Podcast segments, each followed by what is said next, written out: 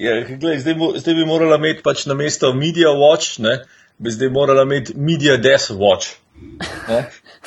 Veš, uro, koga so v tem mesecu odpustili, kdo je propadel, kdo je razglasil stečaj. Uh, Tako je, kot je medijska rubrika. A kaj začnemo, kar, draga moja? Dejva, dejva, dejva. Okay. Dobrodošli v podkastu Met in Čaj. To je podcast o medijih, dobrih in.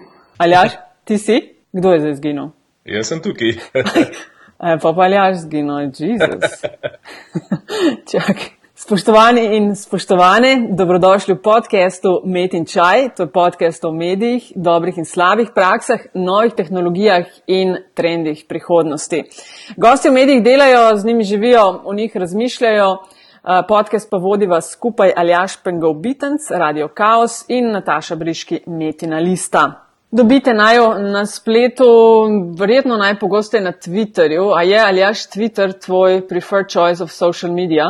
A, ja, najbrž, silom prilike. Sicer Facebook je nekje, mogoče ne to zelo daleč, zdaj se neki snapchatom matram in obolevam. Joj, joj. O, jaz, eh, ja, meni so zanč 23-letnice uh, eh, lekcije dajale. Mislim, tako si, super je bilo. Ste pofollow na Snapchatu. Si, sva, sem... Malo mal se počutim kot Danny Glover pa Mel Gibson, veš, v smrtonosno orožje, ki sedim na klopci, gledam telefon, pravim, I'm too old for this shit. Aj, ne govor, da jaz sem se pa počutila tako, kot jaz mami razlagam, koliko kakšne stvari uporabljati, pa kamo res tisem so zdaj te punce, oj, oj, grozno.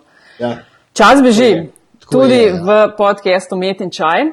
Uh, danes uh, bova govorila, zaradi močnega vetra je bilo, bila primorana predstaviti to epizodo, ja. uh, ki se nam je enkrat malenkostno že izmuznila. Gost je dr. Marko Milosavljevič, uh, profesor na uh, katedri za novinarstvo, fakulteta za družbene vede. Marko, zdravo.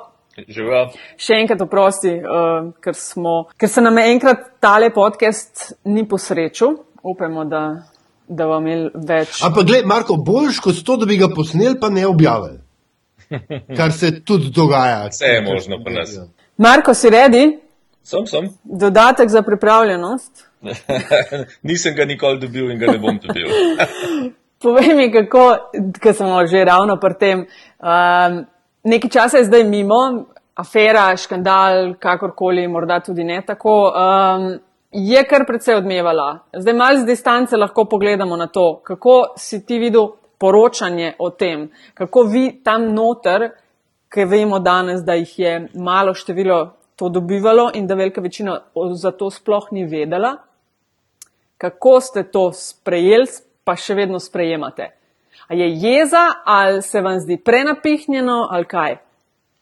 Um, Verjetno je vprašanje, koga v bistvu vprašaš. Jaz mislim, da je velika večina ljudi, um, vsaj recimo temu iz moje okolice akademske, je predvsem uh, A, jezna na te ljudi, ki so to prejemali, zaradi pač neopravičenosti tega, so, kako so prejemali, zaradi argumentacije, Zaradi tega, ker so hkrati trdili, da ni denarja, da je treba vrčevati, eh, zmanjševali so plače.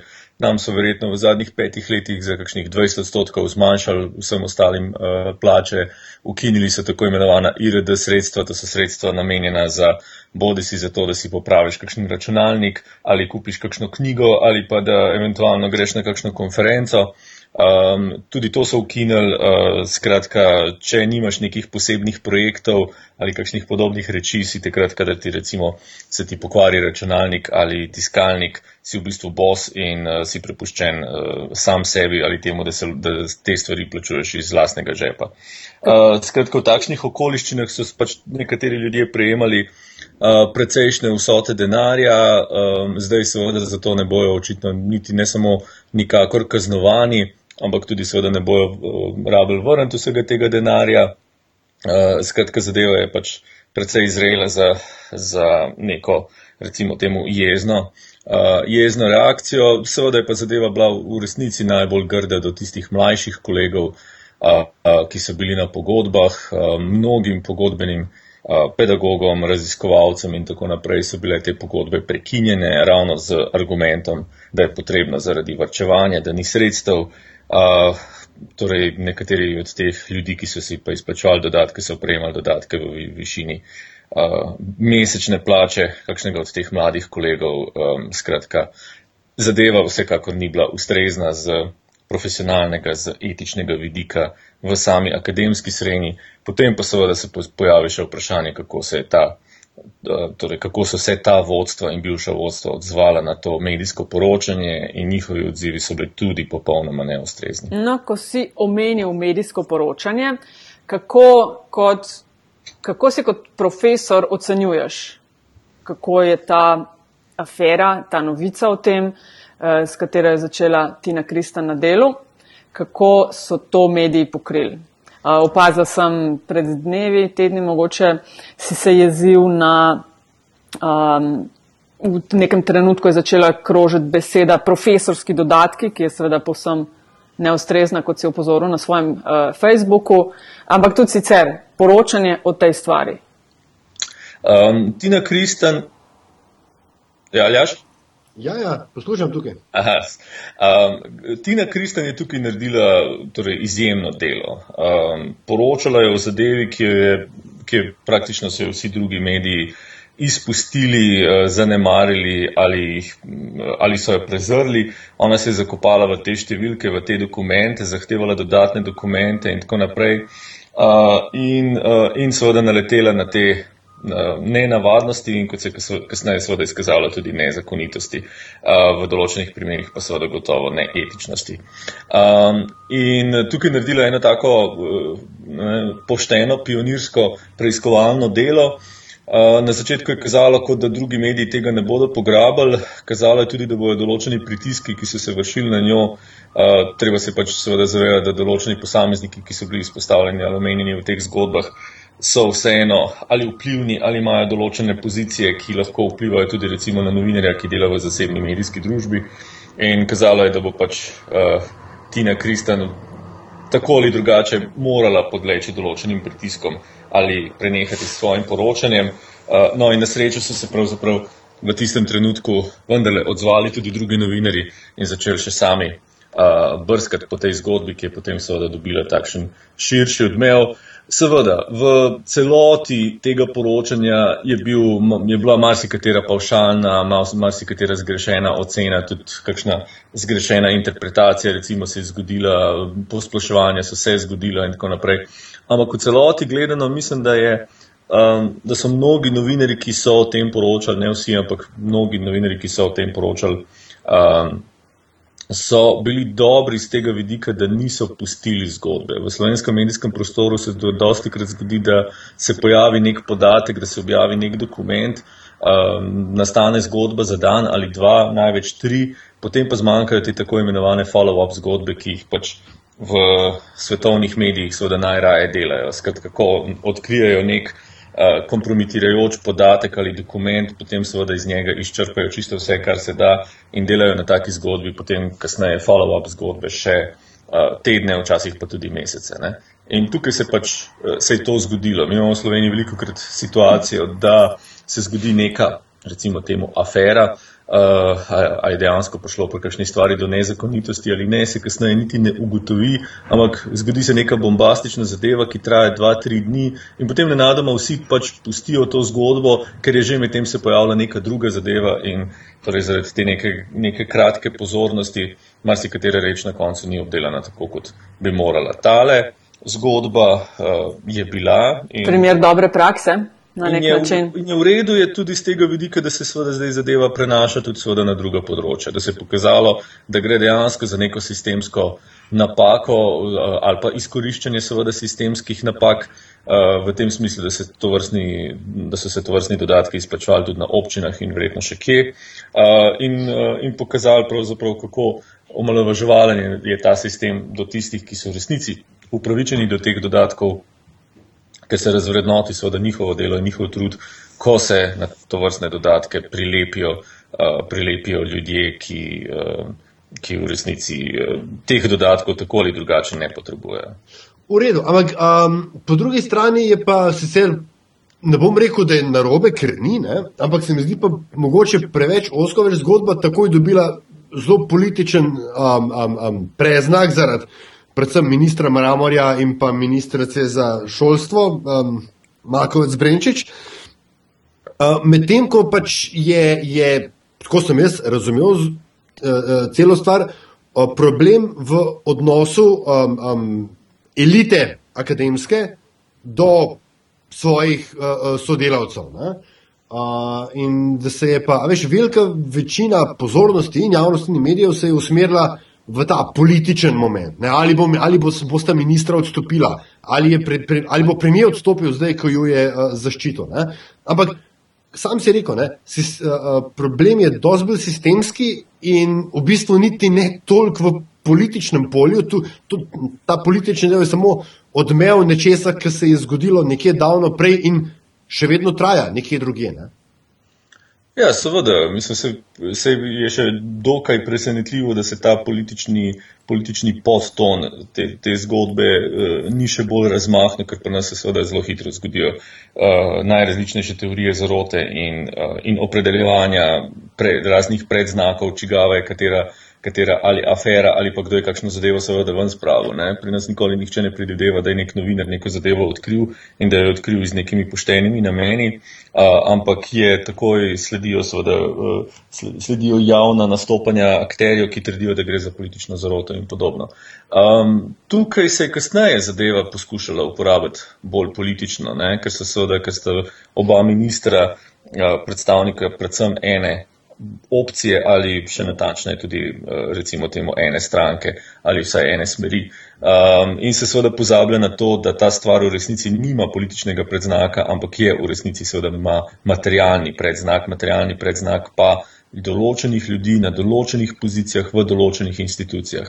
In zdaj seveda bi morali tisti nadzorni organi, ki v resnici bi morali funkcionirati na ministrstvih, na univerzi, na posameznih fakultetah, bi bilo seveda potrebno ugotoviti, ali ti nadzorni organi, ker očitno ne opravljajo dobro svoje naloge, ne, ali imajo dovolj dobra pooblastila, ali imajo dovolj dobro razrešene konflikte interesov in seveda neko distanco do ljudi, ki jih nadzirajo.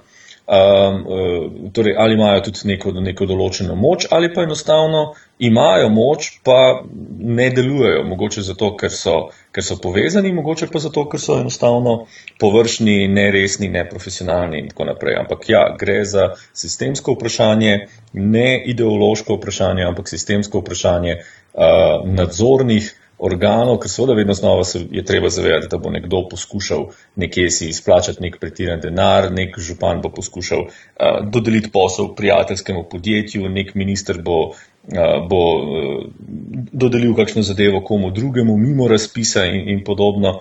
Uh, ne, uh, to se seveda dogaja v vseh državah, treba pa je zagotoviti pač nadzorne mehanizme, ki bojo to preprečevali, ne pa da se to opazi čez pet let, čez šest let in tako naprej, kot se je zgodilo v tem primeru. Ne. Marko, preden, ja, izvolim. Ne, ja. kjer, kjer izvoli, izvoli. Uh, preden se mogoče malo globje zakopljemo še v zadnja dogajanja na delu, kar si uvodoma nekaj omenil, in uh, na RTV-ju. Če pogledaš, Marko, state of the media, slovenskih, za Slovenijo govorim. V kakšni formi bi rekel, da je slovensko novinarstvo, slovenski mediji od, ne vem, ena do deset? A je, smo v enem boljših obdobij, v enem slabših, je vse čas bolj ali manj enako, kje bi rekel, da smo? V tem trenutku smo gotovo v enem od najslabših trenutkov. Pa smo v minulih 25 letih imeli veliko trenutkov, ko se nam je zdelo, da je precej slabo, tako profesionalno, kot finančno, kot politično in tako naprej. Uh, gotovo smo v tem trenutku v enem od najslabših. Uh, ne bom napovedoval, da bi rekel, da je to najslabši trenutek uh, uh, na splošno, zato ker se seveda lahko naslednji dan zgodi nekaj še slabšega in hujšega, skratka, stvari lahko gredo še slabše. Uh, in v nekaterih primerjih pač uh, bojo gotovo tudi morali iti slabše, v, čisto v tem smislu, da nekateri mediji um, tega leta ali pa naslednjih nekaj let, uh, če se ne bo zgodilo neko, neko prelomno dejanje ali pa nek čudež, ne bodo enostavno preživeli. Uh, govorim zdaj o stanju medijev, potem pa lahko govorimo seveda še znotraj tega, uh, Eh, še o samem stanju novinarstva. Stanje novinarstva je pa na nek način razklano. Razklano je v tem, da so pogoji vedno slabši, um, na drugi strani pa vseeno ne, se pojavljajo ali pa ustrajajo nekateri novinari, ki še vseeno nekako spravijo na dan take zgodbe, kot je uh, zgodba z dodatki za pripravljenost in novinarka, kot je recimo, kot je recimo Tina Kristen. Uh, in seveda takšni novinar je bil v resnici vsak pameten, uh, tudi poslovno usmerjen delodajalec. Ne mudoma ali zaposlil ali, o, ali pogledal, da imajo ustrezne pogoje, da se jih obdrži, in tako naprej. Ali celo nagradil. Ne, ne, ja. ne bomo zdaj fantazirali, oziroma ne, toliko smo realni, ker smo v Sloveniji, da vemo, da jih ne bodo nagradili, ampak vsaj uh, nekako približno jih lahko stimulirajo uh, v nekih čisto bazičnih uh, smislih, ne, pa se včasih bojim, da, da to, vrstne, uh, to vrstnega odnosa uh, ali lastniki ali uprave do, do teh novinarjev nimajo. Uh, skratka, ne, vsebine se še vedno pojavljajo, uh, še vedno se odkrije, odkrijajo najrazličnejše stvari.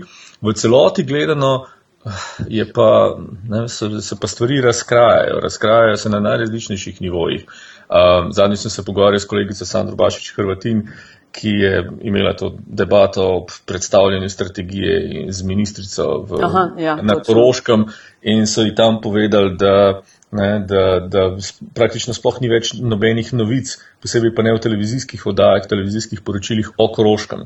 Ne, med drugim zato, ker naj bi na javni radio televiziji tamkajšnja dopisnica šla na porodniško in uh, vodstvo RTV Slovenije ni dodelilo uh, nobene nadomestne osebe. Ne, in kar pomeni, da se Koroška, recimo kot pač seveda pomembna regija v Sloveniji, v naših nacionalnih medijih drugo so regionalni mediji, ampak v naših nacionalnih medijih praktično ne pojavlja. Ne? Torej, govorimo lahko o luknjah, ki so vsebinske, govorimo lahko o geografskih luknjah, govorimo lahko o področnih luknjah, potem so pa seveda še vprašanje kompetenc ljudi in tako naprej. Ne? Z, z kolegi iz dnevnika smo zadnjič ugotavljali, z časnika dnevnik, da je z časnika dnevnik v zadnjem letu odšla približno četrtina ali pa petina celotne temeljne ekipe. Ne? Torej, nekateri ključni ljudje iz poslovnega dnevnika, nekateri ljudje iz različnih drugih redakcij so enostavno za dnevnika odšli. In ko se šteješ te številke in ko ugotoviš, da to niso ljudje, ki bi bili odpuščeni kot na delu, ampak ljudje, ki so odšli zaradi ali pomankanja izzivov ali zaradi pomankanja motivacije ali odnosa ali kakšnih drugih težav, potem vidiš, da seveda ne, je, gre za niz razlogov, uh, zakaj je stanje slovenskega novinarstva tako, tako slabo. Mm, če pa nadaljujem tam, kar je tudi že uh, Aljaš, kar si ti omenil, ne, uh, in smo v podkastu Metinčaj tudi že govorili, delo in ta odpuščanja v zadnjih časih, ne, ki se spomnim, ne vem, na poptejo verjetno od leta 2000, približno enak ritem, če ne celo hujši. Vidiš ti v teh odpuščanjih, pa pustimo zdaj imena, kdo in zakaj prav ali pa ne prav, da tisti ja, tisti pa ne. ne?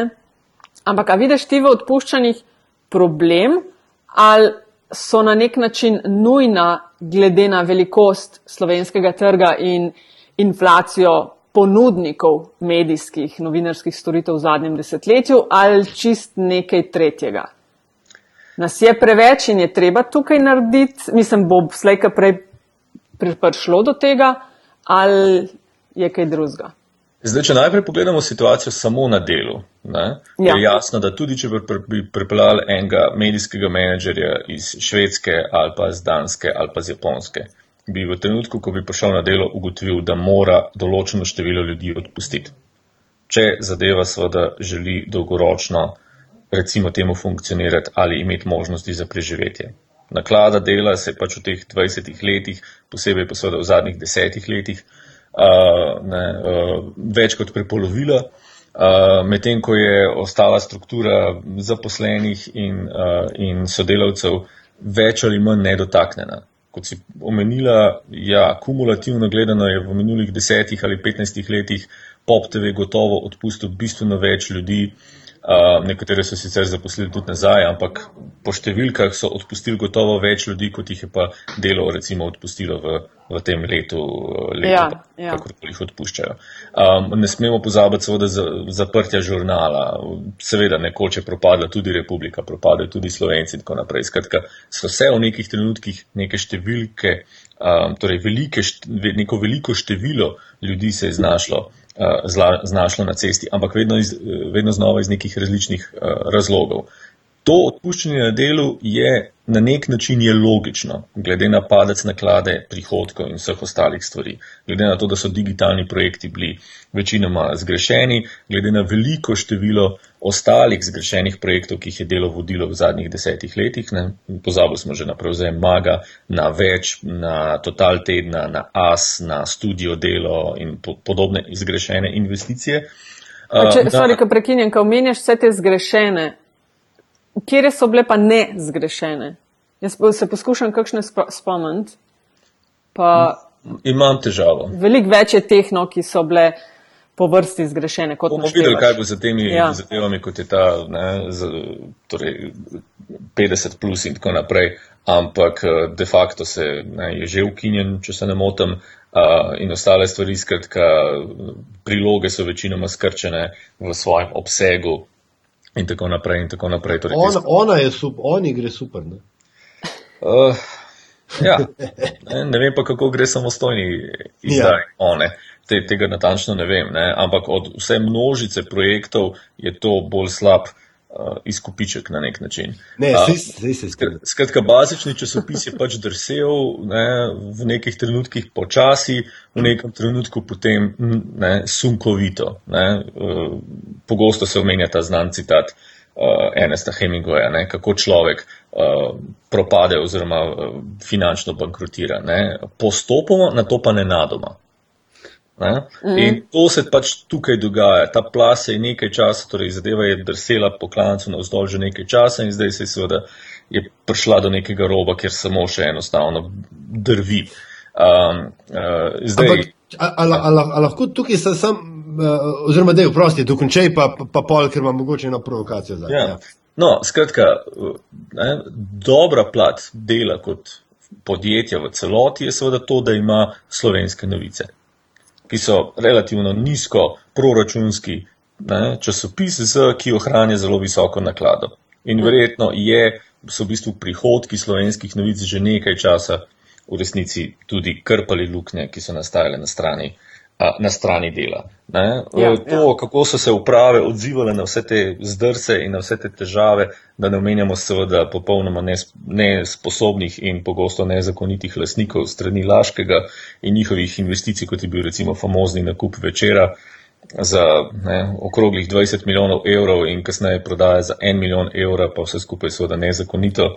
Uh, ne, Pričemer se nihče ne vpraša, kam je tistih 20 milijonov sploh šlo in ali je bila zadeva v resnici vredna 20 milijonov evrov, to se je nekako izgubilo v tem uh, kasnejšem spraševanju, ne, ampak skratka 19 milijonov je tam izginilo za eno samo, tako rekoč, potezo. Ne, potem so bili te krediti, uh, ki, ki, ki jih je delo dajalo Laškemu in tako naprej in se s tem samo seveda izčrpavalo.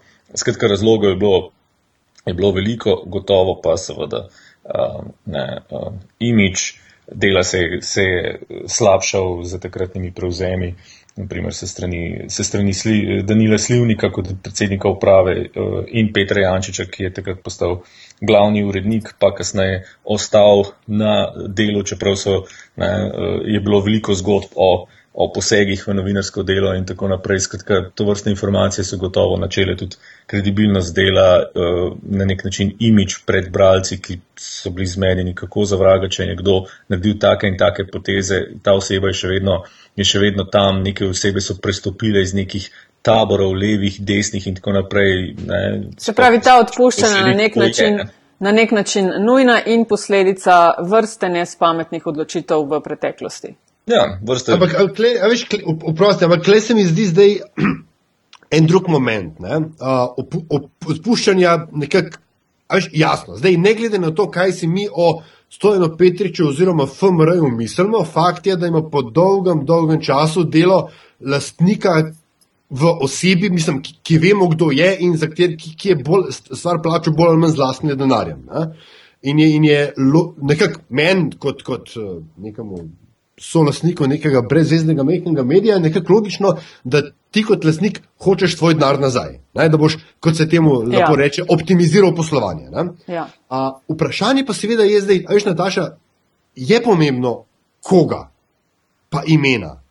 Ne, uh, ne jaz nisem rekla, da ni pomembno. Nisem rekla, da se v, tisto, v tistem trenutku nisem spuščala. Sveda je pomembno. Ja, ampak, ampak, ker, izkup... to, veš, ker, ker Sloven... Marko je dal dober mir, slovenske novice. Nekaj, kar lahko z mal denarja in relativno mal ljudi lahko zelo dobro narediš. Ok, druga publika, drugo vse, ampak verjetno Seveda. je tega overheada in v kadru in vsem na delu ogromno. Ne? In meni men, men skrbi, da očitno nekdo upra, ali uprave niso znale poslušati, oziroma ta uprava, ki ta odpuščena dela, ali ne zna poslušati, ali pa no, noben ne pove, gledajte, tega rabim, tega pa ne rabim. Uh, ampak, ali ja, tukaj imamo še eno težavo. Omeniš to, da seveda ne, dobiš nekega lasnika, ki seveda pričakuje optimalno poslovanje ali seveda hitri dobiček in tako naprej. Ampak tukaj pa obstaja ena pomembna razlika. Uh, poglejmo recimo Jeffa Besosa, lasnika Amazona, ki je kupil Washington Post.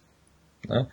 Besos se zelo počasi in rekel, dokaj diskretno umešava v to, kar Washington Post počne. Zdaj ne gledam niti toliko vsebinsko, ker bi to bilo tako rekoč nepredstavljivo, da bi se lasnik neposredno umešaval v poročanje Washington Posta, uh, ampak govorim o, o poslovanju in recimo odpuščanju novinarjev. Čeprav je jasno, da seveda Washington Post ne deluje optimalno, da, da ima krizo uh, finančno takšno in drugačno, torej naklade, prihodki, digitalno in itd. so posod težave, torej podobne, ampak Besos se seveda zaveda, da pri to vrstnem tisku, torej dnevno informativnem, ki je politično vpliven, ki ima neko tradicijo uh, in tudi seveda nek, neko reputacijo, na vse zadnje ni kupu kar nekega tabloida ali pa neke zabavne revije, ampak medij za dolgoletno ugledno ulogo v ameriški družbi in ameriški politiki, da se to zadevo seveda ravnaš dokaj previdno. Previdno tudi v tem smislu, da se seveda zavedaš, da ne bo dobička čez noč. Zato pa je na nek način dobro, da so lasniki takšni, torej v tem smislu kot Besos, kar pomeni ljudje, ki imajo veliko denarja, ki lahko v te medije še dodatno investirajo, zato da bi se čez nekaj let, ne, da bi se ta medij okrepil tam, kjer se mora okrepiti, ne da se ga samo krči in reže in ljudi uh, na nek način uh, deprimira. Ampak da se, da se pokaže neko investicijo tam, kjer je to potrebno, ali je to digitalno ali kje druge, in da se seveda um, da se potem pričakuje profitabilnost čez nekaj let. Ne? Pri nas se zgodi zelo pogosto to, da imamo lastnike, ki si ta medij težko privoščijo, ne?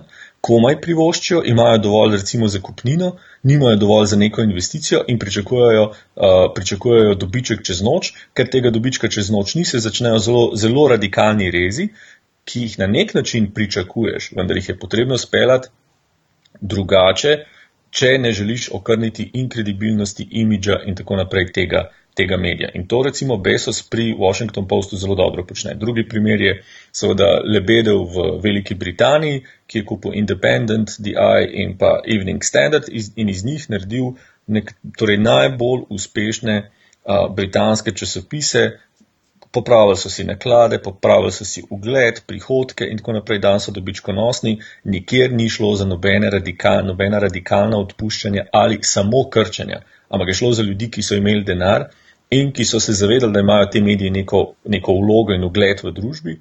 Lebedev si je s tem zagotovil pravzaprav takšen ugled v britanski družbi, kot si ga ne bi mogel praktično noben drug uh, ruski milijarder uh, zagotoviti, razen če bi kupil mogoče Channel 4 ali pa The Times. Uh, ne, in, uh, in pokazal, da se da torej, s tiskom profitabilno, dobičkonosno torej, delovati z določenimi rezi, vendar ne na tako, recimo, temu, torej, samo uh, um, uh, varčevalni način, kot se potem to doskrat pri nas zgodi, ko mediji dobijo nov oblastnik. Ja. Se pravi, ti imaš glede, glede uh, dela, vendarle, bom rekel, te skrbi, da bo prevladala želja po hitrem dobičku. Ja, mislim, težava je v tem, da seveda ne, potreb, logično je, da je ljudi preveč, log, glede na naklado. Logično je, da je ljudi preveč, glede na celotne prihodke časopisa. Uh, ne, potem je pa vprašanje, ali se nek lastnik zaveda pomena dela za slovensko družbo, ali se lastnik zaveda, kako pomemben je ta ogled tudi za njegove oglaševalske prihodke, ker je seveda jasno, da, da ne plačuješ enake cene za oglaševanje za bralca slovenskih novic kot za bralca dela. Vsaj ne bi smelo biti tako. V Veliki Britaniji so razlike desetkratne, tudi dvajsetkratne med. Uh, Med tem, kar plačajo oglaševalci za enega bralca Timesa ali Telegrafa ali Guardiana, in pa na drugi strani, kaj plačajo za bralca Desana ali pa Daily Mirrorja.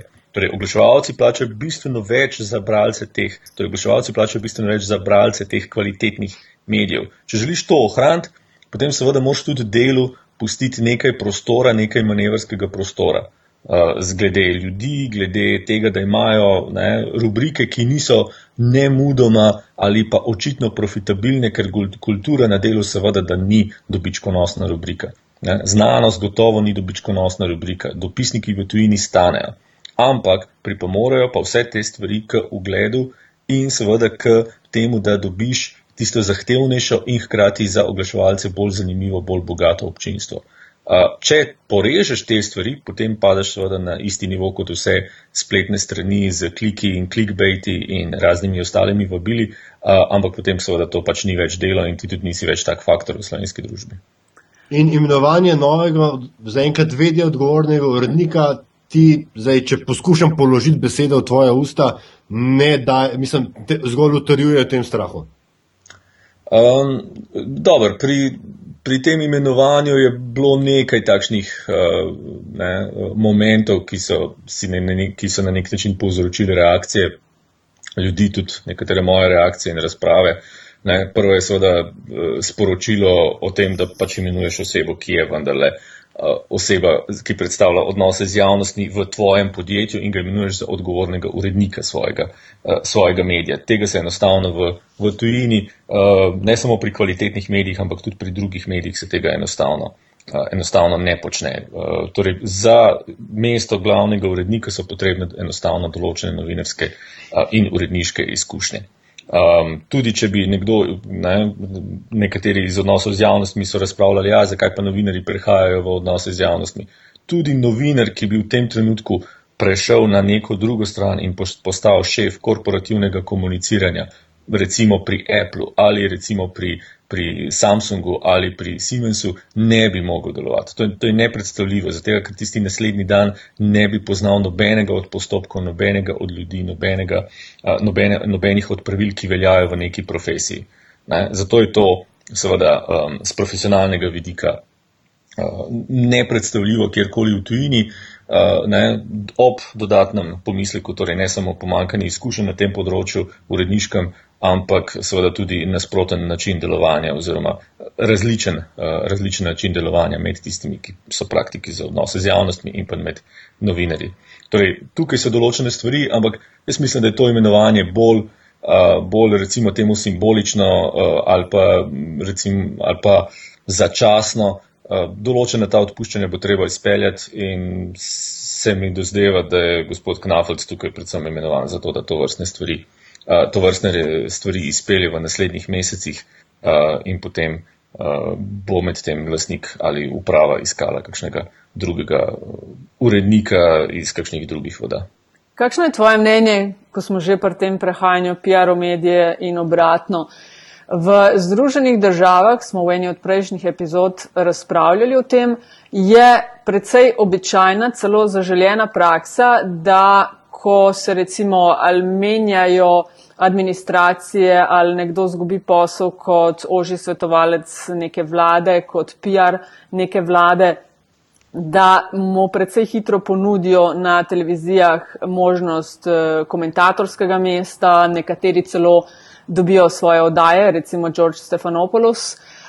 Pri nas se pa zdi, da je prehod iz novinarstva v PR precej običajen, ker pač kot PR-ovc eh, se ukvarjaš predvsej z novinarji in kot novinar veš in poznaš ozadje mnogo bolj kot nekdo, ki tega nikoli ni počel. Um, na drugi strani imaš te PR-ovce, ki so delovali recimo na, na, eh, v političnih krogih, ki imajo sigurno dober pogled, dobre informacije, poznajo ozadje kakršnega nekdo, ki ni bil del administracije, recimo, um, ve samo iz pripovedovanj drugih.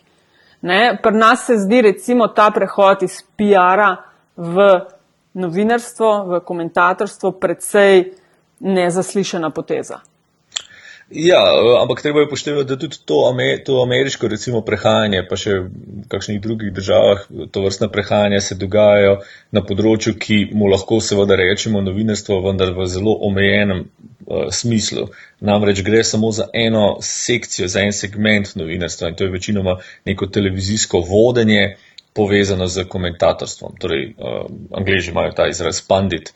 Ne, in ja. se na nek način naj bi nanašali na ljudi, ki naj bi bili tudi poznavalci, strokovnjaki, kakorkoli že, in ki potem običajno bolj komentirajo uh, določene stvari. Ne poznam primerov, kjer bi ameriški korporativni komunikator iz Bele hiše ali iz kakšne podobnih uh, branž odšel v standardno novinarstvo. Ja, to se bi postal ja. urednik, urednik, kjer bi postal recimo urednik notranje politične redakcije, kjer bi postal uh, glavni urednik nekega časopisa ali tednika, kjer bi recimo postal preiskovalni novinar. Tega se ne, torej to se ne dogaja. Ne? Skratka, ne, ne gre za kar, kar takšno vse splošno prehajanje iz PR-ja v novinarstvo, ampak gre za nek določen, um, določen spektr. Zdaj, zakaj se to vrsten spektr pri nas ne dogaja, zakaj nek bivši uh, PR-ovec, ne, uh, ne vem, Valentin Hajdinjak ali, ali pa recimo kdo drug, če bi na njega pomislili, ne, nima kakšne svoje televizijske komentatorske vdaje, bolj vprašanje verjetno za komercialne televizije, na javni televiziji še vedno ustrajajo pri tem, da njihovi novinari naj ne bi smeli komentirati. Ne, in potem, če že komentirajo, kot je bil nedavni primer za Jeleno Aščič, se potem zgodijo seveda odgovori in popravki. Ne um, kar je seveda v nasprotju z filozofijo komentiranja. Uh, skratka, to je vprašanje za komercialne televizije, ampak glede na to, da tudi komercialne televizije nekoliko krčijo svoje informativne vdaje, zato da delajo prostor za resni, resničnostne šove, je verjetno večja verjetnost, če bi seveda to vrstne bivše PR-ovce, pa še kakšnega bivšega politika, pa mogoče še kakšnega novinarja, dali v kakšen reality show, ne, naprimer Survivor ali kaj podobnega, ne, to mislim, da bi ljudje potem z večjim veseljem. Vse smo imeli tizga, veš, kaj bi že tisto obramni minister, ki se je spustil v milnico. A ja, krapeš. Krapeš, ja, tista je bila dobra. Uh, ja, ja, ampak naprimer, ne, Seveda, ne, ja. za, za, za, kot navdih za kakšnega od programskih direktorjev naših komercialnih televizij, ne, ker vidim, Skratka, da ti, si naklonjen. Si naklonjen ali nisi naklonjen temu, da bi se uh, ljudi iz, v narekovajih, druge strani ali pa ne narekovajih uh, imelo ali pa uh, konkretneje angažiralo, ko niso več na poziciji za komentatorje? Um, z, ja, zdaj pridemo pa potem do dodatne težave slovenskega medijskega prostora ne, in to je, da so mediji navajeni te iste pandite že sicer klicati v vse te svoje oddaje, in seveda jih ne plačujejo. Zakaj bi jih potem takem te isti mediji ponovno plačevali? V Ameriki se te ljudi plačuje. Tudi če pridejo kot gosti v oddajo, se jih plača, ker pripomorejo k rejtingom. Pri nas, gosti v odmevih, gosti v 24 ur zvečer in podobnih rečeh, tudi takrat, ko ne branijo svoje neposredne osebne interese, ampak takrat, ko nastopajo recimo kot komentatorji, prihajajo ali pa jim mediji od njih pričakujejo, da bojo prišli uh, več ali manj za ston. Poznam samo nekaj, ki zahtevajo plačilo in še tam potem mnogi mediji to. Uh, to grdo gledajo. Se zahvalijo za sodelovanje ali pa grdo skratka, gledajo. Že, ja. Skratka, že na nek način materialne osnove za to ni, ker če pač imaš ljudi, ki so to pripravljeni početi za ston, zakaj bi potem seveda takšno osebo plačeval? Na, to je verjetno ena od težav, druga od težav je pa to, da uh, je manevrskega prostora pri nas seveda bistveno manj. Ne, nek Stefanopoulos ali pa kakšen od drugih teh bivših uh, PR-ovcev, recimo iz Bele hiše, uh, se zaveda, da njemu neka nova ekipa seveda ne bo dala ne prostora, ne priložnosti. Torej, nova demokratska ekipa, recimo, ima že kupico novih ljudi, ki so bolj up-to-date, uh, večji insideri in tako naprej, kot pa je on, ki je na vse zadnje oseba izpred 20 let. Ne? Skratka, v bistvu na nek način prodaja staro slavo. Ne, in se seveda zaveda, da v politiki in v političnem komuniciranju nima več te možnosti uh, in da v bistvu so mediji v resnici za nje zatočišče. Ne. Gremo še aljaš na, na RTV. Pred nas se pa te ljudje stalno krožijo. Nihče v resnici ne odide, ampak se vedno znova vrne. Ja, razen, kadar si, veš, um, zdaj mi je slučajno glava padla. El Gor si je umislil svoj lasten, svojo lastno TV postajo TV Current kanal, TV, kabel, ne, ja. ki ga je potem, ko je pač stvar spektakularno propadla, ga je prodal Al Jazeera US, ki je tudi ravno kar propadla. ne. Propadlo je. Ja.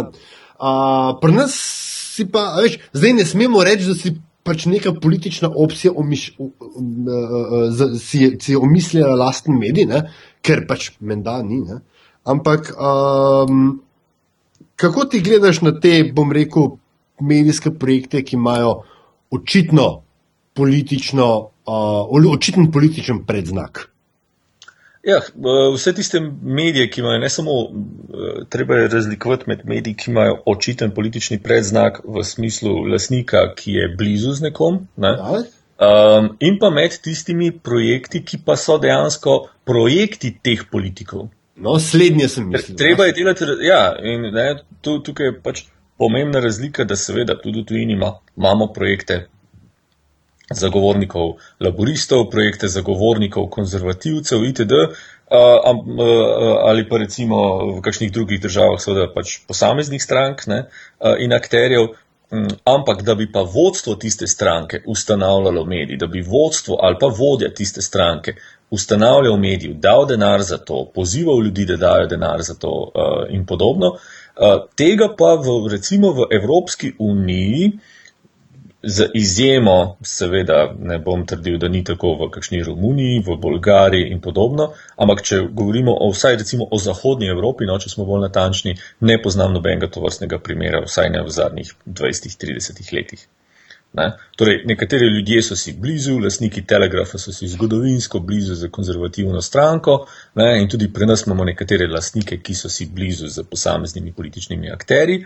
Ne? Ampak da pa bi prav uh, vodstvo recimo neke stranke ali pa posamezen akter ali pa predsednik neke stranke ustanavljal nek medij, potem je seveda pač zadeva jasna. Temu potem takem ne moremo v resnici reči medij, ampak je to, to, bolj, to, je, je to v resnici PR sredstvo.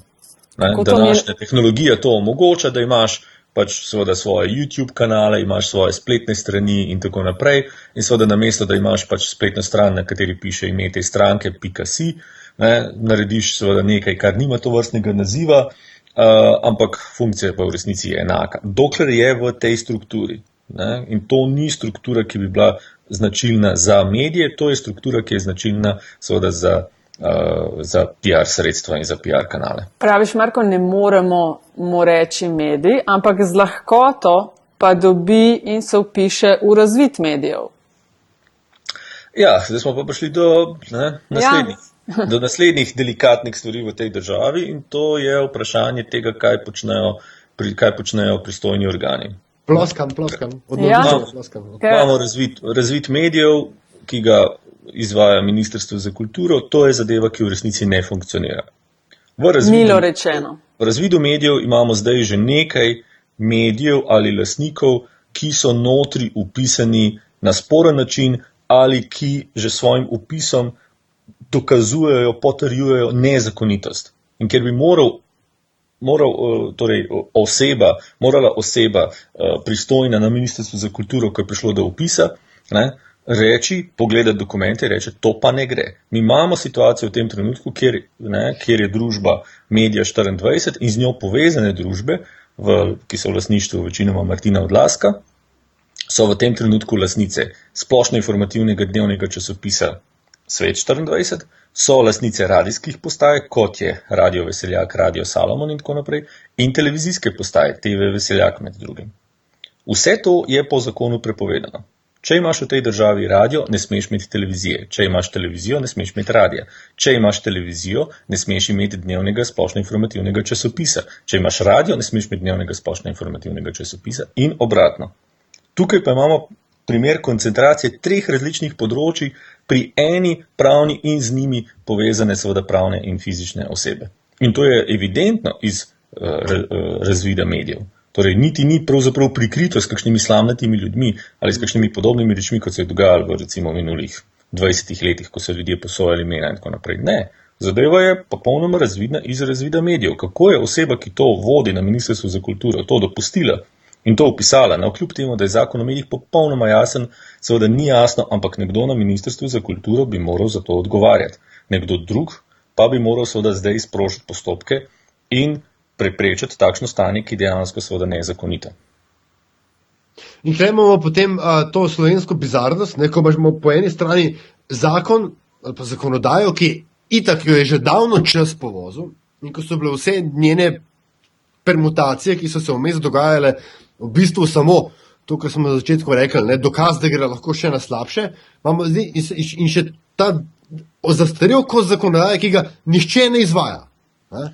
To imamo pri nas že dolgo časa, s tem, da v 90-ih letih smo imeli pač zakonodajo, ki ni, ki ni imela recimo A, skoraj nobenih obveznosti in zahtev, in B, če tiste, ki so bile noter v zakonu, uh, niso imele uh, nobenih kazenskih uh, določil ja.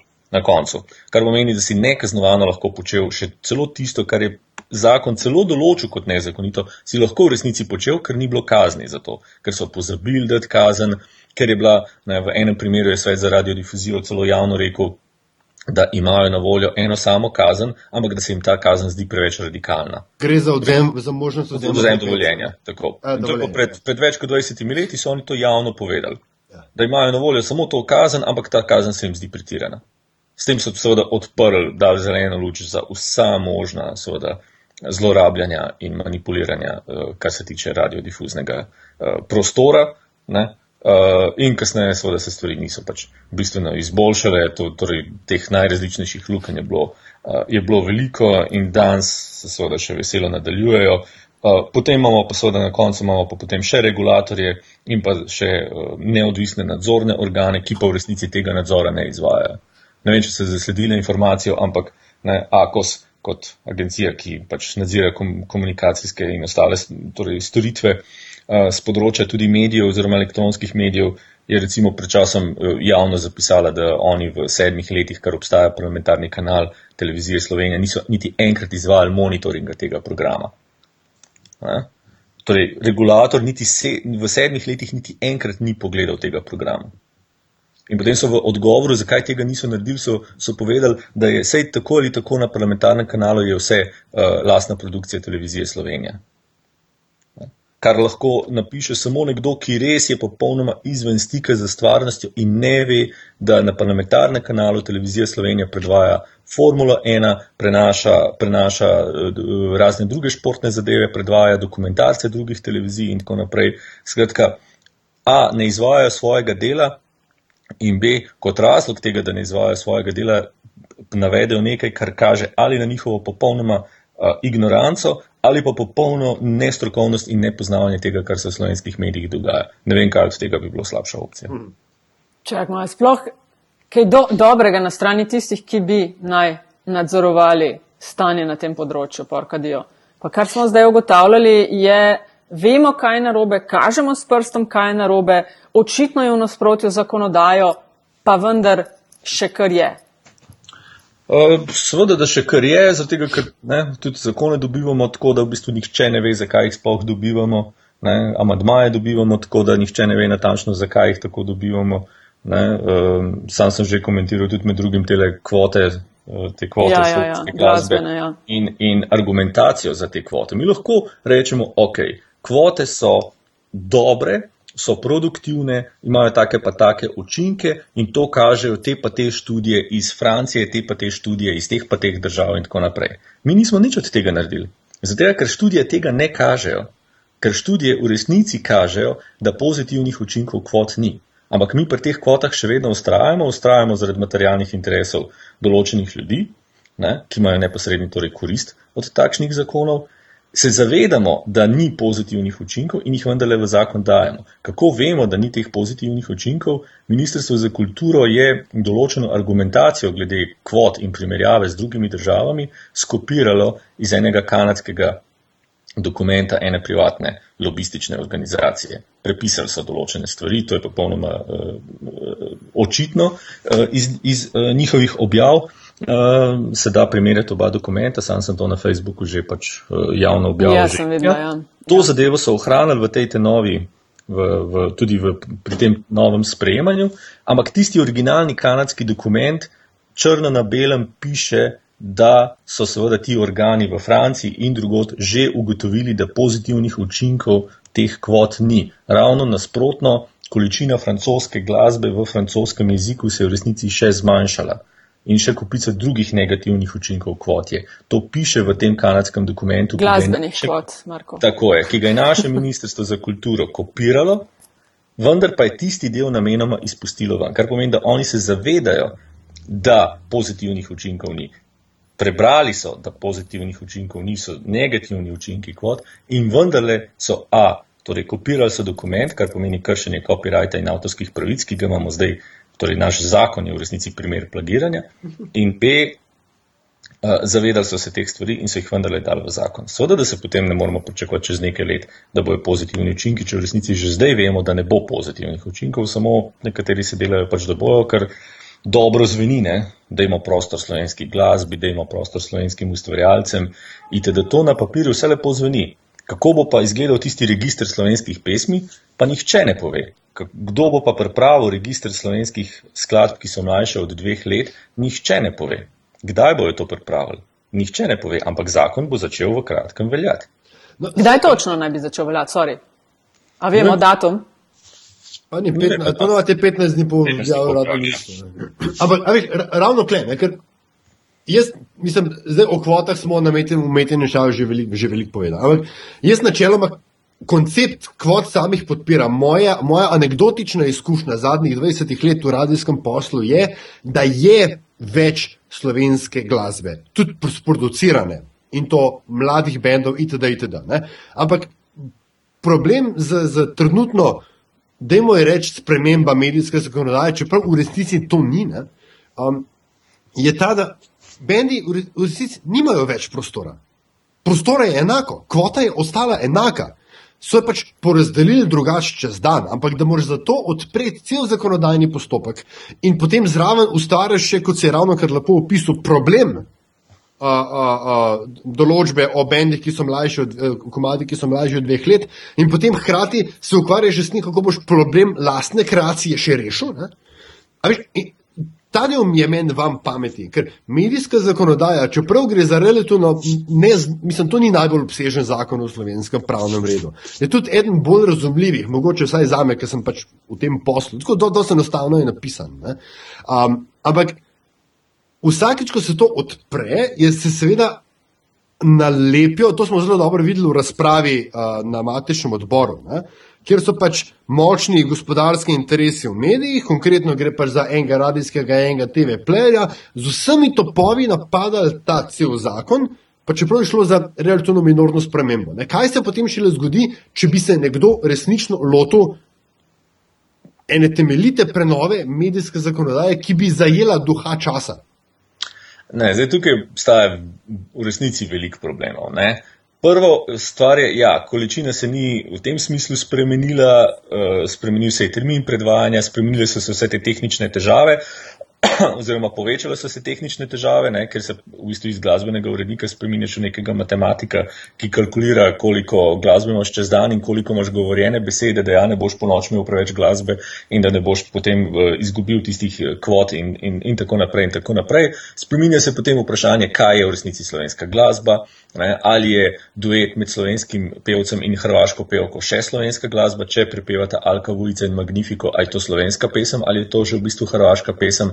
Uh, potem seveda vsa ta težava, iz, da so izločeni vsi te, uh, vse to pre, uh, torej ustvarjanje v tujih jezikih, je ne povsem izločeno, ampak je na nek način degradirano, bodi si v angleščini ali v kakšnih uh, drugih jezikih, kar je seveda poseben problem za, za recimo za radio Ars in za podobne radijske postaje. To vrstna regulacija recimo ne omogoča specializiranih radijskih postaj, ker s takšnimi kvotami ti ne moš v Sloveniji zdaj narediti soul ali pa RB ali pa trip hop radijske postaje.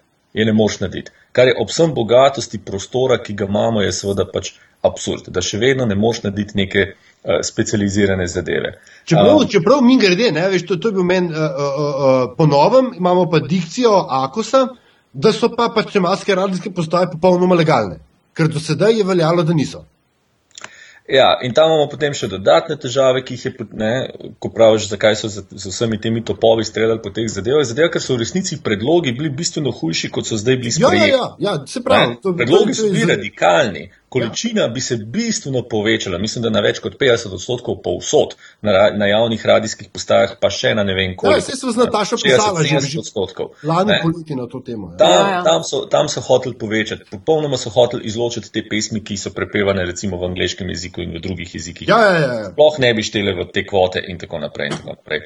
Um, potem je bil predlog, seveda, ne, ki na koncu ni šel v zakon, predlog Akosa, da bi radijske postaje morale vsak dan meriti vse svoje vsebine do minute natančno.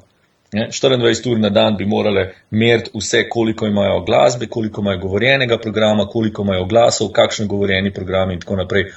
Vsak dan 24 ur na dan. Torej, seveda, da so potem ti, ne, ali radijske postaje, ali televizijske postaje, planile potem in odreagirale, ne, in na nek način še dobro, da so, ker drugače bi imeli še večje neumnosti uh, v, zakonu, uh, v zakonu, kot so. Um, ja, vrti se neka slovenska glasba, ampak ti moraš izhajati iz nekih izhodišč. A imamo mi slo, um, arhiv slovenske glasbe? A je Ministrstvo za kulturo ali kdo drug poskrbel za to, da je slovenska glasba ustrezno digitalizirana? A greste lahko vi zdaj v katerikoli, um, v katerokoli prodajalno, da tako rečem, zvoka in dejansko kupite recimo stare pesmi Moni Kovačič? A se lahko v Sloveniji dobi CD od skupine Al Ultimat? A se lahko dobi kopico pesmi, ki jih še na YouTubu ne najdete? A lahko zdaj kdo zavrti pesem Igra se igra od skupine Go, ki je bila zmagovalka slovenske popevke leta 82? Ali, ali Branko Kramer za kakšnimi njenimi pesmimi itd. Ne? Imamo izvajalce, ki, jih, ki niso digitalizirani, ki niso niti na YouTubu, ker jih ni. Edini, ki ima verjetno vse te pesmi, je Radio Slovenija. Komercialni ali regionalni radijski programi teh, teh arhivov nimajo. In zdaj, če zahtevaš od nekoga, da mora toliko pa toliko vrteti, v redu, če imaš iza tega neke argumente. Eh, Jaz se strinjam, sej nekoč sem delal na radiju, sem sodeloval na radiju Glas Ljubljane pred 25 leti. Marko Prpič kot glavni urednik je takrat ustrajal. Približno vsaka peta pesem je morala biti domača. Tako je. Takrat je bilo, to bilo še približno definirano kot jugoslovansko. Ne? In so nekako sodle sem noter tudi še jugoslovanska, jugoslovanska produkcija, ker je bilo še v času Jugoslavije. Ne? Pa so nekateri že takrat imeli pravzaprav s tem težavo. Zakaj? Zato, ker seveda recimo na radiju Glas Ljubljane niso vrteli Marjana Smodeta in niso hoteli vrteti ne, vrste to vrstnih popevkarskih ali pa narodno-zabavnih izvajalcev. In ko hočeš biti recimo temu moderna radijska postaja, ki bo vrtela slovensko glasbo, ugotoviš, da se nenadoma obseg stvari, ki jih lahko vrtiš, pa da je še, še relativno raznolik, se zelo skrči. Na koncu priješ do tega, da lahko pač seveda vrtiš neke ene in iste izvajalce z enimi in istimi pesmimi, tako rekoč, ne, nenehno. In seveda, da potem se, uh, se soočaš z enimi in istimi izvajalci. Ne. A, a mi lahko vi poveste, kakšno slovensko pop skupino? Ultra, recimo. Sej, so, sorry, ker te zdaj rušim tale, Ja. ja. ampak, ampak eh, v, na kaosu recimo, smo naredili eno tako, sicer zaradi uh, silom prilike, ne, kot mlad in mehen in neuveljavljen radio, smo seveda se lahko pogovarjali samo z mehkimi neuveljavljenimi bendi na začetku. In, in, uh, ampak se je to izkazalo kot zelo dobro, ker seveda ti ljudje so se dejansko prišli pogovarjati in ne samo prodajati svoje nove plošče. In sem ugotovil, da je ravno na področju pop-roka, pa tudi pa, potem bolj severno, kar se bolj težkih metalskih zvokov tiče, uh, v Sloveniji blazno veliko ene produkcije, ki je zelo pod radarjem. Ne? In, in konkretno sem ravno z Ultra sem omenil zato, ker vem, da so z svojim drugim komadom ali nekaj, tako- nekaj zelo bedno, bednega iz garaže so prišli v studio, smo se fajn pogovarjali, to malo vrtel, uh, na kar so zdaj, ne vem, če še obstajajo, to je bilo res ne deset let nazaj, ampak uh, uh, tri, mislim, da so bili tri plate, veliki koncerti, bili so tu neki headlinerji, skratka, bottom line, a veš, da se, ne, se da. Uh, je pa res, da je, uh, to sem mislim, da v mojem zadnjem tekstu na, na temo, na temo uh, kvot napisal, ravno v trenutku, ko se je situacija na, bom rekel, glasbene, na področju glasbene produkcije ustalila do te mere, ko smo lahko radijske postaje začele tudi domače izvajalce žanrsko izbirati na podlagi kvalitete in ne samo na podlagi kriterija slovenska je snov, ne? zdaj nam pa uleti država z, ne, zdaj morate pa še tako pa tako delati, pa iz tega le predpisanega seznama. Klej jaz večji problem vidim Ja. kot, kot uh, bom rekel, v, v bazenu domače glasbe, ki je narastel. Zdaj, ali je narastel zato, ker imamo kvote, ali je narastel zato, ker je uh, dostopnost tehnologije postala večja, stvar debate. Ja. Ampak, ne, z, praviš, je ta produkcija narasla, a je kdo z Ministrstva za kulturo ali kje druge postregel z podatkom, kakšna je slovenska letna glasbena produkcija v tem trenutku? 1550 komadov, uh, so, to so povedali na odboru, tukaj treba biti pošten. Ja, ja. Ja, to, ne, 1550 komadov, od katerih jih je vsaj 90 odstotkov takšnih, da niso za radio. Ja, ja, ja ne, sej, sej tukaj. Ne? Jaz, jaz, potem zato, se samo seveda zadeve filtrirajo. Zato imam jaz tukaj... problem ja, z tem določbo do dveh let. Ej, kako to mislite, da niso za radio? Tista ribi, ribi, ribica ne bi šla? Ne, ta pop. bi šla, ta bi šla, zato ker je tako zelo. Ta je, bi šla v pop eh, kvoto. Mislim, Zdaj, uh, ve se, kaj so v bistvu, ne, nekako uh, obstaja fraza, ne, the songs they don't play on radio.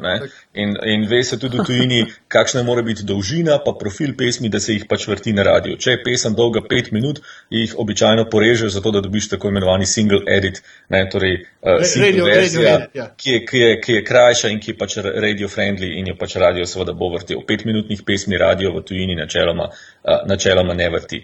Ko sem to isto vprašanje postavil, ko sem imel en sestanek z ministrico za kulturo in z njeno ekipo, ko sem to isto vprašanje postavil njim, niso vedeli povedati nobene slovenske pop skupine. Ja. Pa, pa postavljajo te kvote. Jaz razumem, da bi mi imeli neko veliko produkcijo, pa produkcijo, ki bi bila primerljiva s francosko, s katero se radi primerjamo. Ampak mi nimamo te produkcije. To je, to je nesmisel. To je tako, kot da bi radijske postaje, v Münchnu, ki je dvakrat večje mesto od celotne Slovenije, ne, morale vrteti uh, samo, samo skupine iz Münchna. A vi poznate kakšno skupino iz Münchna? No, no. Sem, tako majhen prostor je to. To je tako majhen prostor. Ne? Ko pomislimo o francozih, pa naštejemo deset njihovih izvajalcev in seveda vseh teh deset njihovih izvajalcev prepeva v angleščini. Ne? Potem imamo še kakšno zas, pa, pa koga podobnega, pa če štejemo malo čavta za francoza delno, recimo. Vse ostalo, so, vse ostalo pre, prepevajo, v, prepevajo v angleščini. Ne? Vanessa Paradis je vrnila k francoščini. To je, pa, to je pa tudi vse, kar je. Ne? Skratka, moramo biti realni. O, zakaj nekaj utemeljujemo tako? Ne moramo kar kopirati neke stvari, pa reči, da imamo te stvari, kot jih imamo v francoščini. Zdaj sem gledal podatke recimo za Ameriko za o njihovi televizijski produkciji. V Ameriki je v tem trenutku na sporedu, so prešteli, so, je 1400 um, um, torej, uh, izvirnih oddaj s scenarijem, torej bodi si iz kategorije nadaljevank, uh, nadaljevank, nanizank uh, ali recimo temu semi resničnostnih zadev. 1400. Ne? V Sloveniji, če izločimo, uh, izlo, izločimo resničnostne šove, imamo dve nadaljevanki. Ne? Torej, to, to ozadje je potrebno upoštevati takrat, kadar se piše neka zakonodaja. Ne? Da se ne moramo kar tako primerjati z nekom, pa prenesti, pa reči, zdaj imamo zdaj imeti 80 odstotkov, ker imajo pa ne vem, američani 80 odstotkov, ne? pa seveda niti nimajo zapisano, ker pač nimajo kvot, ker 90 ali pa 95 odstotkov držav nima kvot. Ampak ja, če zdaj smatramo, da so potrebne za to, da bomo obdržali slovenski jezik in slovensko kulturo ali slovensko ustvarjalnost, ok, ampak moramo imeti neko utemeljitev in neko torej razlog za to. Gre za poseg na področju svobode izražanja, na področju medijske avtonomije in za vsako to vrstno zadevo je potrebno zadevo ustrezno. Uh, ustrezno utemeljiti. Ne moreš kar posegati v to in omejevati stvari brez, tako malo po občutku. In pa ne se delajo pač te stvari po, po občutku. Zelo. Več, pa kdo da manj. Zelo po občutku. Ja, ker izvoljeno je zaže. Sam to sem želela nekako eh, preiti na hajke na TV Slovenija in to po občutku uh, pravice do popravka, ko že govorimo o teh zakonodajah in kako se držimo tistega, kar piše oziroma kako uh, kakšno je ozadje uh, priprav posameznih zakonov. Ne, um, ne vem, ali ja, če si hotel še kaj naprej, ne, ne mogoče. Sam, sam, sam to, ne se v bistvu se tudi navezuje na to, kar ste rekli. Ampak, Mikle, zdaj se pogovarjamo, mi se spet je, tako, spet je zakonodajalec eno, eno relativno osko temo, neki full prenormiral, ne, v tem primeru je govoril, kaj lahko mediji dela, še vedno se pa, m, a veš, še vedno imamo pa ta osnovni problem, ne, da je definicija medija še vedno iz konca 90-ih let. Mi še vedno nimamo uh, ja. zakonodaje, ki se niti približno ne dotika pojava novih medijev ali pa prelivanja medijev. Ali tudi to, kar si prej omenil, t, uh, odlaska pa tako dalje, ne, ta, ta, te firewalli med tiskom in elektronskimi mediji, to je imelo nekoč full smisel. Ne. Danes vprašanje, če ga še ima, čist produkcijsko ali, ali pa z vidika potrošnika. Seveda, in pač ne, torej te, ta temeljna vprašanja si je treba postaviti in seveda zakonodajo spremeniti. Mi pa očitno po pritis, pod pritiskom nekih lobijev urgentno spreminjamo neke člene zakona. Zakon o medijih, pa še kakšen zakon o AVMS in tako naprej, jih urgentno spreminjamo, pri čemer bo je jasno, da koristili bojo samo oskemu krogu izbrancev. Ne gre za nikakršen javni interes.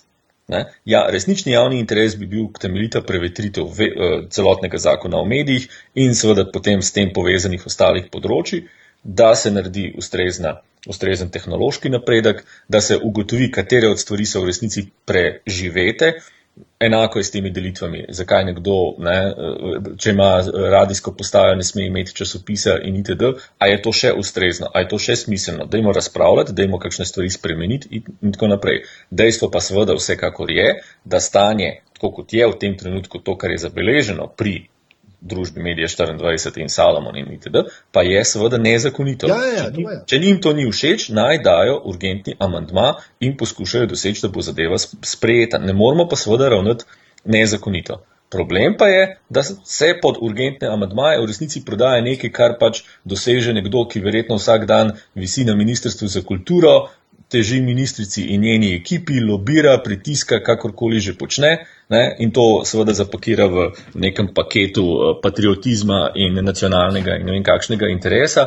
Zelo zgovorno je, da v resnici Ministrstvo za kulturo zdaj ob 25-letnici uh, referenduma, ki je, bilo, ki, ki je bil obletnica, ki je bila decembra, je Ministrstvo za kulturo objavilo nekakšen tak programski tekst o slovenskem jeziku in slovenski kulturi ob tej 25-letnici. Ja. V tem tekstu ni bila Nič, ja. glasba ja. omenjena niti z besedo.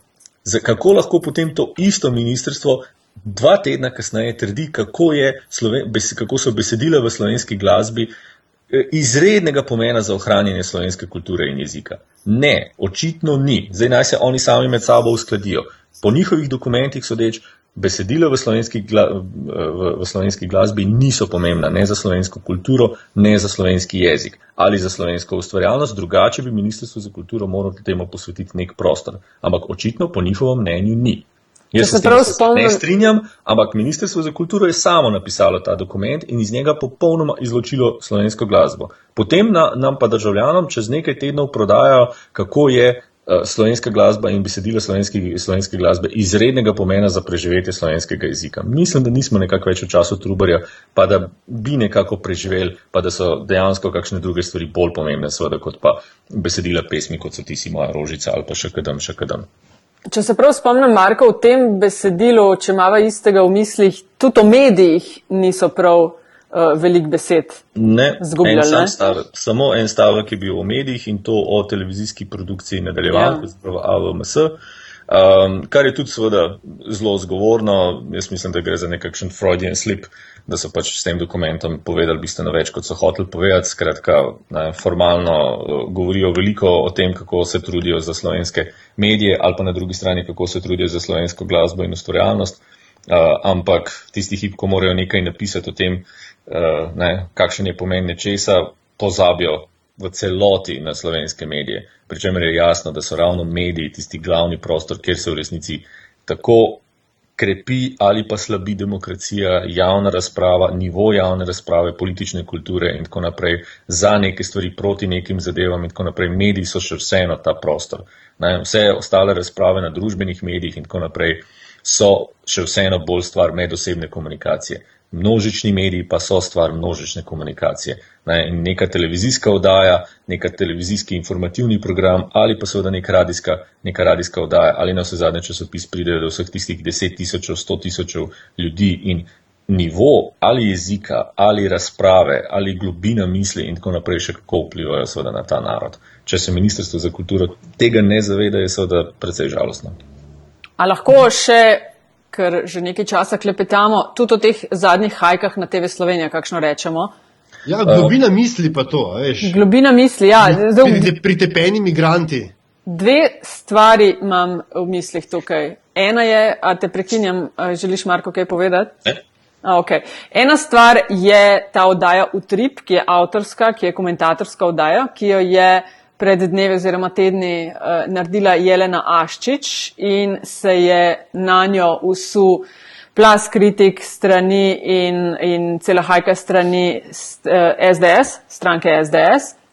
In v zadnji oddaji je bil objavljen popravek. Eh, zakaj točno gre? Ona je v tistem uh, izvornem utripu med drugim omenila, da uh, SDS, a sem se si prav zapomnila, da SDS dela svojo vojsko ali da nekaj takšnega ne? in to je zelo vznemirilo uh, vodilne v SDS-u. Pa še koga drugega? Pa še ja, in še vse hibride zraven, ki okrog tega planeta letijo.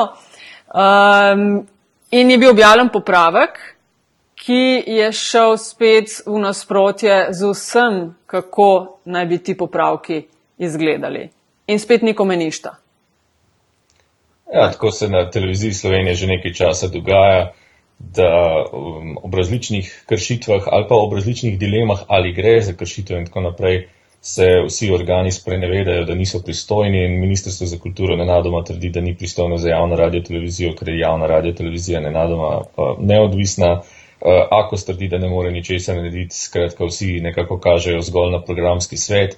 Uh, to seveda v resnici ne drži. Programski svet ni tisti, ki nadzira delovanje javne radio televizije v tem smislu.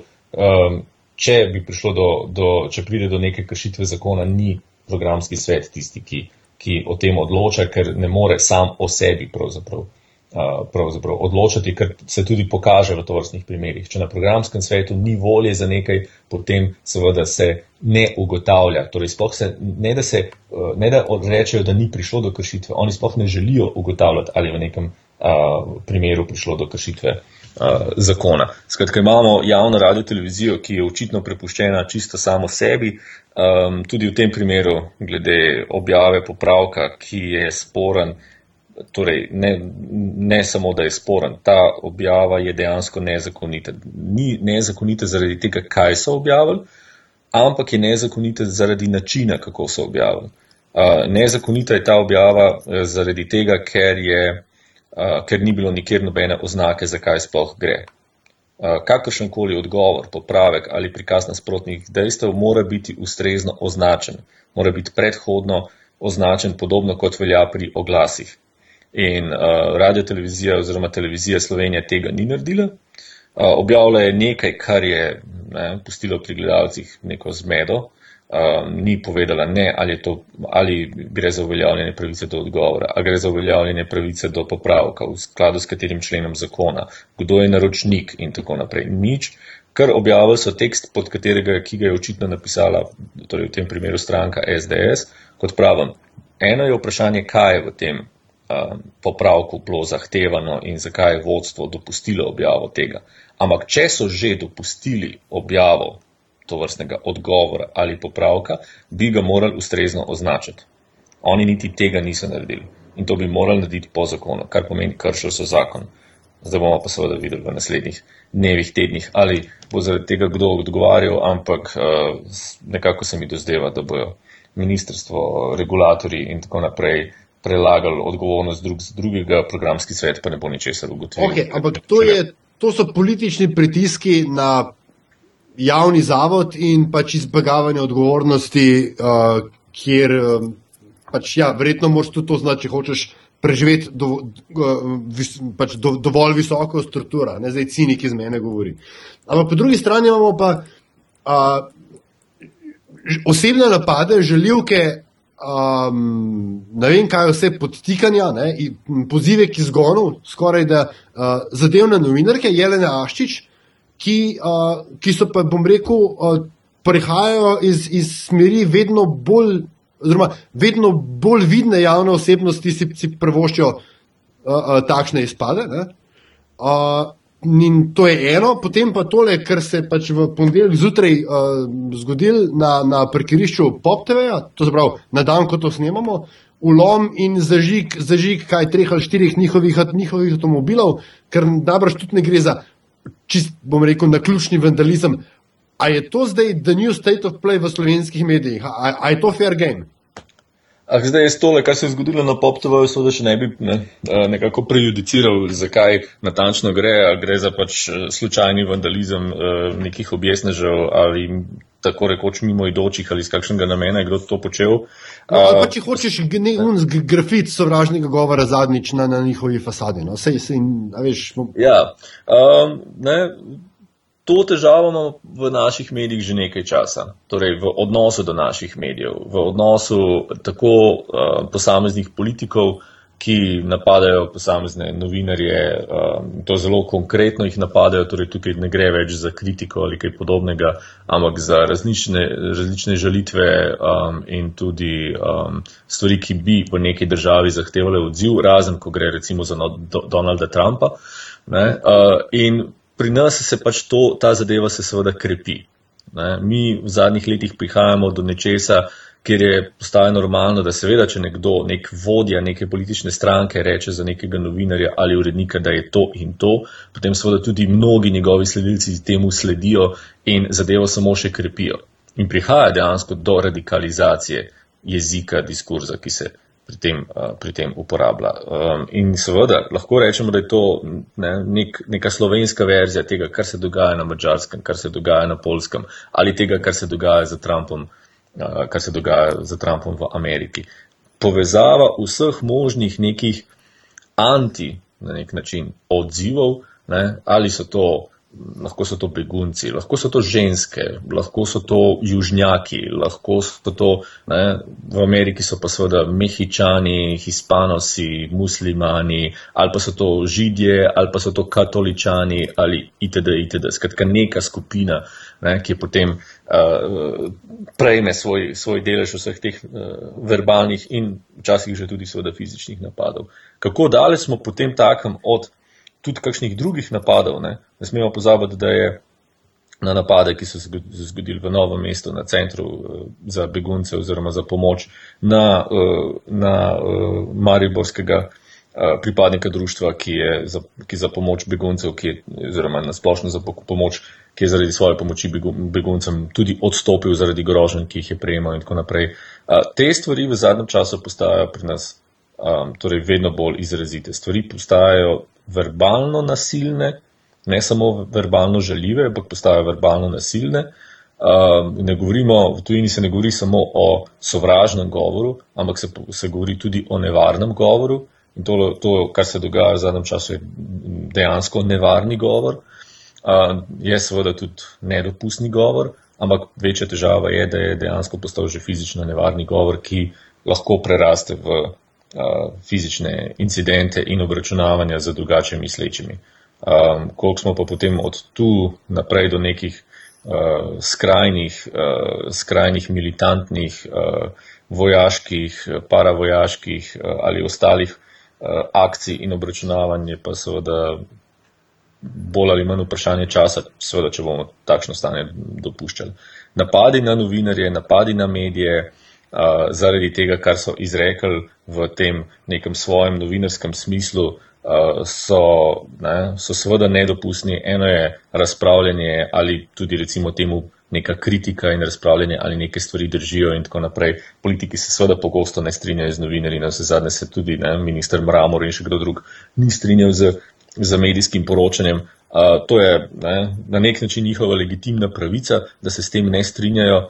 Uh, ampak seveda, ko pa ta zadeva preraste v kakšne pozive z, k obračunavanju ali osebne žalitve novinarjev na osnovi njihovih, recimo, lasnosti ali porekla, tukaj pa imamo potem seveda upravka z ključnimi lasnostmi sovražnega govora in vseh ostalih stvari, ki pa so mednarodno preganjene, ki se jih ne sme početi. Pri nas toživstvo pogosto najde različne razloge in e, definicije, e, kdaj urgira oziroma kdaj intervenira ne, in išče neke neposredno fizično grožnjo in možnost izvedbe te fizične grožnje in tako naprej.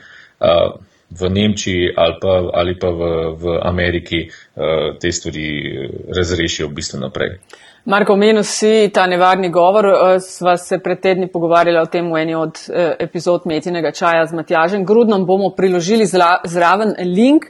Mogoče za konec še um, tega podcasta, vsakega gosta, Marko, se lahko aljaš, ne? Zanimivo. Ja, ja ne, se jih hotel pripomniti, sam, da se ob vsem tem, kar se zdaj Marko povedal, pač ta zgodba na polskem, kar naenkrat ne zdi več tako zelo ja, štrleča še za, veš, to, toliko stvari smo odprli, ki bi celo svoj podcast lahko v njih uh, delali. Uh, Marko, vsakega gosta na koncu vprašava po zanimivosti, da nama pove nekaj, kar ne vemo, pa bi mogoče mogli vedeti, ali pa nekaj, kar uh, je zanimivo, ali pa ti oceniš, da bi znalo biti za poslušalstvo zanimivo.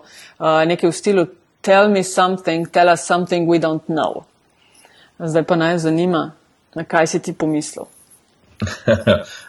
Uh, moram priznati, da sem zdaj že na to vprašanje pozabil, vem ga iz ostalih podkastov, ampak zdaj sem že pravzaprav uh, po, pozabil, da obstaja tudi to vprašanje in nisem o njem natančneje razmišljal. Uh, upam, da sem mogoče v, tej, uh, v, v, v tem našem razgovoru že povedal kakšne od teh uh, tovrstnih stvari. Uh, Mogoče lahko kdo razmisli, katere vse slovenske glasbe ne morete najti na YouTubu. Uh, mogoče lahko kdo razmisli, ali imamo slovensko, uh, slovenske pop skupine. Ko sem študente na fakulteti to vprašal, če v neki drugi debati, ne, 20-letne študente so malce bili tiho in potem je nekdo rekel bipop.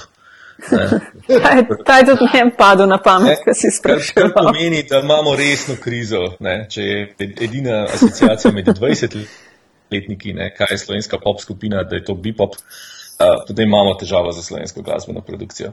Ne, uh, skratka, mislim, da je v teh medijskih in vseh ostalih zadevah še veliko takih stvari, uh, ki jih bo vredno ne, preiskovati, brskati, arhivirati. In, in tako naprej, tudi ta zgodovina teh naših medijev je zelo, zelo zanimiva, um, kako so nastale, zakaj so nastale posamezne medijske hiše um, in tako naprej. Torej, eno takšno arhivsko uh, Eh, arheološko delo pri naših medijih bi bilo še zelo zabavno, pa bomo mogoče o tem kdaj drugič, pa bo to tista skrita zadeva, ki je ljudje še ne vajo.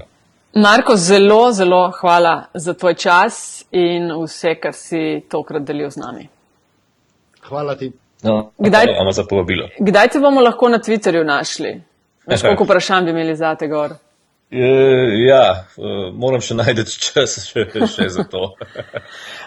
ja. Sicer ok, na spletu, kakšne spletne koordinate, kjer te lahko ljudje dobijo, se s tabo, ne vem, pokonektajo, vprašajo, kaj.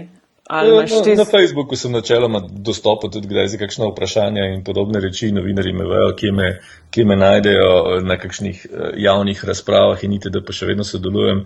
Um, v četrtek, četrtega bomo imeli na gospodarski zbornici razpravo tudi o tej aktualni medijski zakonodaji in tako naprej. V sredo tretjega bomo imeli na FDV-ju razpravo o stanju našega novinarstva, ne bomo odgovorni, uh -huh. ampak smo med organizatorji naše katedra. Uh, skratka, mislim, da je en del te naše, reko, akademske ali raziskovalne aktivnosti gotovo tudi ta, da sodeluješ v družbi in pač po svoji moči pripomoreš k neki seznanjenosti javnosti z vsaj z nekimi dejstvi. Um, in takšne okrogle mize in razprave so gotovo dobra, dober povod za to. Marko, hvala, ker si bil naš gost. To je bil torej Met in Čaj podcast o medijih. Zaljažem nam lahko pišete na uh, info afnametinalista.si, sicer pa uh, naj podsukate za rokav na Twitterju afna pengovski in afna dc43, metinalista pa afna metinalista.